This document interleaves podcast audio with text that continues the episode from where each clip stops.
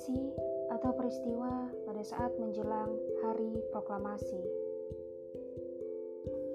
Oke, pertama, pembentukan PPKI. Komando Tentara Jepang Wilayah Selatan mengadakan rapat besar. Dalam rapat tersebut disepakati bahwa Indonesia akan diberi kemerdekaan pada 7 September 1945. Pada 6 Agustus 1945, keadaan Jepang semakin kritis karena kota Hiroshima dibom atom oleh Amerika Serikat. Menghadapi situasi tersebut, Jenderal Terauchi menyetujui pembentukan Dokuritsu Junbi Inkai atau Panitia Kemerdekaan Indonesia PPKI pada tanggal 7 Agustus 1945. Tugas PPKI adalah melanjutkan tugas BPUPKI dan mempersiapkan kemerdekaan Indonesia. PPKI diketahui oleh Soekarno dan wakilnya Muhammad Hatta. PPKI beranggotakan 21 orang Indonesia yang berasal dari Jawa 12 orang, Sumatera 3 orang, Sulawesi 2 orang, Kalimantan 1 orang, Sunda 1 orang, Maluku 1 orang, dan golongan penduduk Cina 1 orang. Untuk kepentingan peresmian dan pelantikan PPKI, pada 9 Agustus 1945, Jenderal Terauchi memanggil Soekarno, Muhammad Hatta, dan Rajiman Wedio Diningrat untuk pergi ke Dalat Saigon. Hal ini untuk menegaskan bahwa pemerintah Jepang memutuskan untuk menyerahkan kemerdekaan kepada Indonesia. Kedua, suasana sebelum proklamasi. Dilansir dari situs resmi Kementerian Sekretariat Negara Republik Indonesia pada tanggal 14 Agustus 1945, Soekarno, Muhammad Hatta, dan Rajiman Wedio Diningrat kembali ke Jakarta. Saat itu Jepang sudah lumpuh akibat bom atom pada 9 Agustus 1945 di kota Nagasaki. Dengan demikian, Jepang benar-benar tidak dapat berbuat apa-apa. Akhirnya, pada 15 Agustus 1945, Jepang menyerah tanpa syarat kepada pihak sekutu. Para tokoh yang mengikuti perkembangan Perang Dunia II memiliki ide untuk segera memproklamasikan kemerdekaan Indonesia tanpa menunggu keputusan Jepang. Perbedaan pendapat terjadi antara golongan tua PPKI dengan golongan muda yang terwakili dalam beberapa perkumpulan. Perkumpulan golongan muda tersebut di antaranya kelompok Asrama Menteng 31 dipelopori oleh Kairul Saleh dan Soekarni, kelompok Asrama Indonesia Merdeka dipelopori oleh Subarjo, kelompok Asrama Mahasiswa Kedokteran Sultan Syahir. Golongan muda mendesak agar Indonesia segera memproklamasikan kemerdekaan. Sementara golongan tua lebih menghindari pertumbuhan darah, mengingat pasukan Jepang masih banyak di Indonesia, sehingga menunggu keputusan Jepang. Ketiga, peristiwa Rengas Dengklok.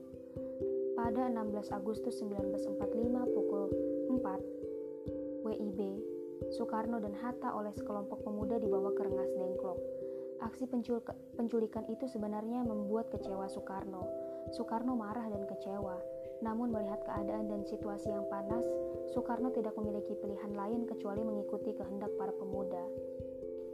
Saat itu Fatmawati, istri Soekarno dan anaknya Guntur juga dibawa untuk keamanan diri mereka. Rengas Dengklok merupakan kota kecil dekat Karawang. Posisi ini cukup strategis untuk melihat atau mendeteksi pergerakan Jepang, baik yang datang dari arah Jakarta maupun dari arah Bandung dan Jawa Tengah. Meski ditekan oleh golongan muda berbagai cara, Soekarno tetap berpegang teguh untuk menjalankan rencana proklamasi pada 17 Agustus 1945. Bagi Soekarno, angka 17 adalah angka suci. Ya, itu sudah saya ceritakan di podcast sebelumnya. Sementara di Jakarta, Ahmad Sobarjo dari golongan tua dan Wikana dari golongan muda membicarakan kemerdekaan Indonesia harus dilaksanakan di Jakarta. Laksamana Muda Maeda Tadashi yang saat itu menjabat sebagai kepala penghubung Angkatan Laut dan Angkatan Darat Tentara Kekaisaran Jepang bersedia untuk menjamin keselamatan mereka selama berada di rumahnya. Ketiga, penyusunan naskah proklamasi. Rombongan Soekarno dan Hatta tiba di Jakarta pukul 11 WIB pada 16 Agustus 1945, tepatnya di rumah Laksamana Muda Maida Tadasi. Kebetulan itu jam 11 malam ya. Di ruang makan, Soekarno, Muhammad Hatta, dan Ahmad Subarjo mulai merumuskan teks proklamasi kemerdekaan. Soekarno menuliskan konsep proklamasi pada secari kertas. Muhammad Hatta dan Ahmad Subarjo menyumbangkan pikirannya secara lisan. Kalimat pertama, proklamasi merupakan saran dari Ahmad Subarjo, sedangkan kalimat terakhir disempurnakan oleh Muhammad Hatta. Bagi Hatta, kalimat pertama merupakan pernyataan dari kemauan bangsa Indonesia dalam menentukan nasibnya. Harus, harus ditambahkan pernyataan mengenai pengalihan kekuasaan.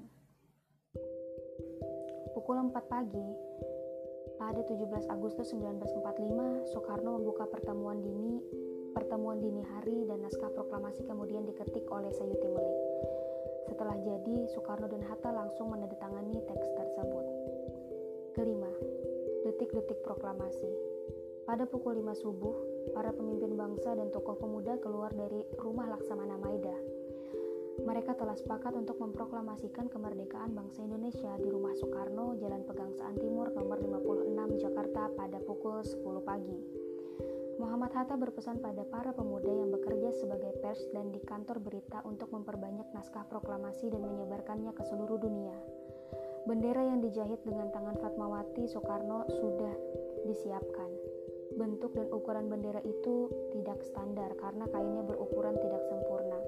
Sementara itu, rakyat yang telah mengetahui akan dilaksanakan proklamasi kemerdekaan telah berkumpul. Tepat pukul 10 pagi, Soekarno dan Hatta atas nama bangsa Indonesia membacakan proklamasi. Sejak 17 Agustus 1945, bangsa Indonesia telah merdeka dari penjajahan.